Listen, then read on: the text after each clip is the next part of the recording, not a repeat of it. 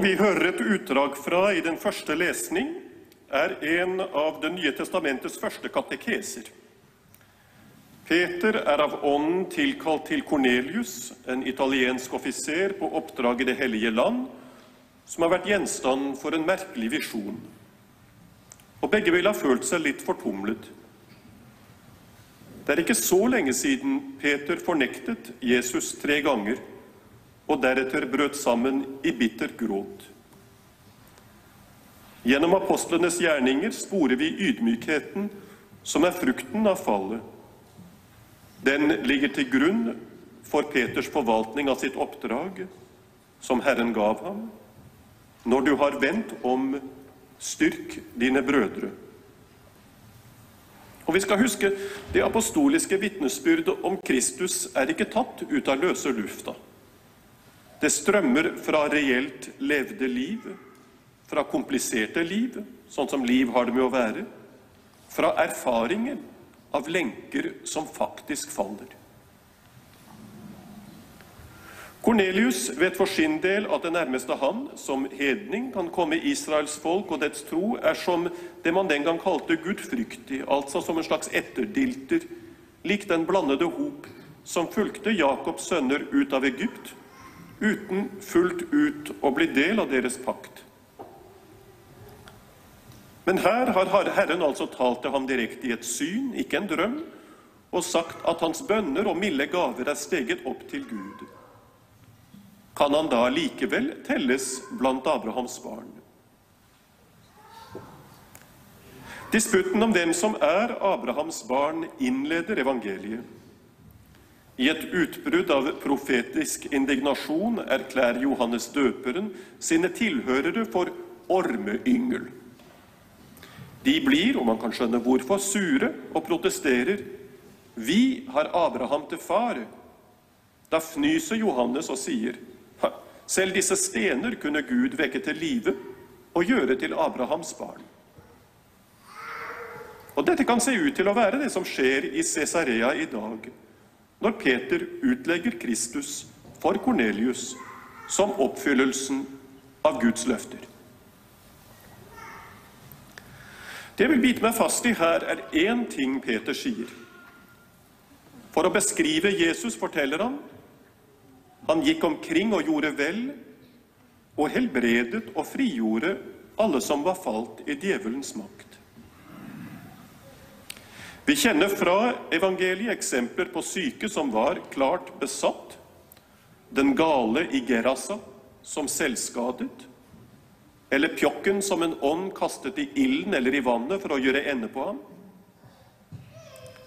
Allikevel, når Herren frigjør i evangeliet, er det helst ved å tilgi synd. Ja, han sier til den lamme heist ned gjennom taket at somatisk sykdom iblant uttrykker utad et sjelelig illebefinnende. Bildet av fangenskap som møter tilbud om frihet, utløser nok en heftig diskusjon med jødene. Jesus sier, 'Sannheten skal gjøre dere fri', og de utbryter, 'Vi er av Abrahams ett og har aldri vært slave for noen.' Jesus fortsetter, Enhver som synder, er syndens slave, men dersom Sønnen setter dere i frihet, blir dere virkelig fri. Og derved er vi ved selve kjernen av påskeevangeliet. Vi skal ikke falle for fristelsen til å betrakte påsken som en slags happy ending på en film som en stund så ut til å slutte trist. Han er ikke du allikevel, de som var lei seg, tørker tårene. Motløse våger å skue mot fremtiden med håp. Vi sukker lettet, legger papirlommetørklærne bort, tømmer ut popkornrestene. Fortsetter vi så som vanlig, som om ingenting var skjedd, og alt igjen er sånn som det var? Det kan vi ikke. For ved påsken alt forandret. Også våre lenker er brutt. Det store spørsmålet er hva gjør vi dere og jeg, med vår frihet. I forhold til syndens makt i våre liv vet vi at omvendelse trengs. Vi går til Skriftet, vi bedyrer at vi vil bli bedre mennesker, og det er utmerket, selvsagt. Men en kristen er ikke først og fremst et bedre menneske. Han eller hun er et nytt menneske. Og husk, det motsatte av synd er ikke dyd og god oppførsel. Det motsatte av synd er frihet. Friheten har Kristus vunnet for oss. Dyden er en frukt av frihet, ikke omvendt. Paulus uttrykker det i et nøtteskall når han sier til et liv i frihet har Kristus frigjort oss. Og så fortsetter han. Stå da fast, og la dere ikke på ny binde under trelleåket. Påskedag markerer ikke slutten på en lei historie. Påskedag utgjør begynnelsen på en ny eksodus, en utmarsj fra alt i våre liv som blokkerer livet i Kristus, Han som er for oss det lovede land. En utmarsj altså fra alle former for avhengighet. En utmarsj fra atferd som degraderer oss eller andre. En utmarsj fra alt som i oss, og til tross for våre beste hensikter, hører døden, mørket og natten til.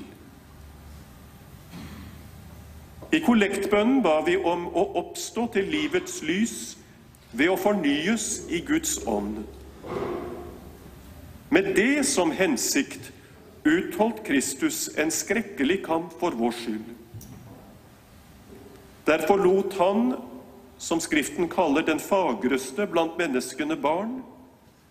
Derfor lot han seg så ille tilrede at han ikke så ut som et menneske, slik vi leste på langfredag.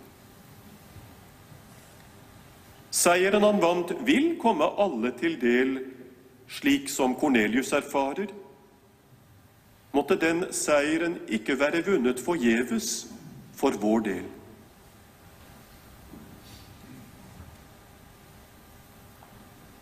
Det rører meg alltid når vi leser påskemorgen om likklærne Vår Herre har lagt fra seg, særlig om svetteduken som, vi hørte det nyss, som lå sammenfoldet et sted for seg selv.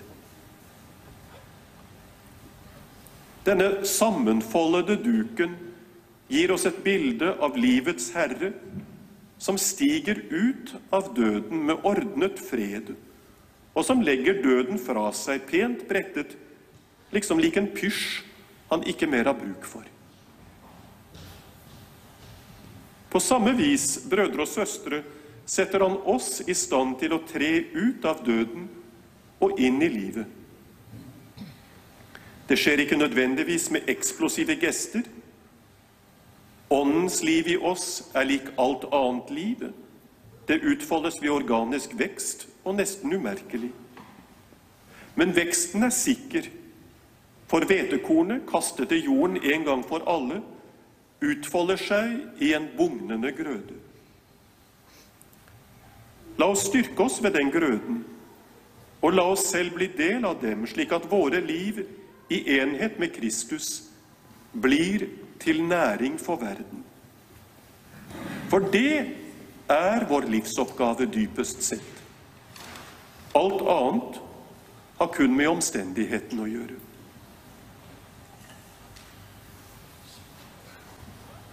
Om litt synger vi Kirkens store bekjennelse i dag. Kristus, vårt påskelam, er ofret. La oss derfor holde høytid med renhets og sannhets usyrede brød. Ja, det skal vi gjøre befridd som vi er til å leve fritt i tid og evighet. Amen.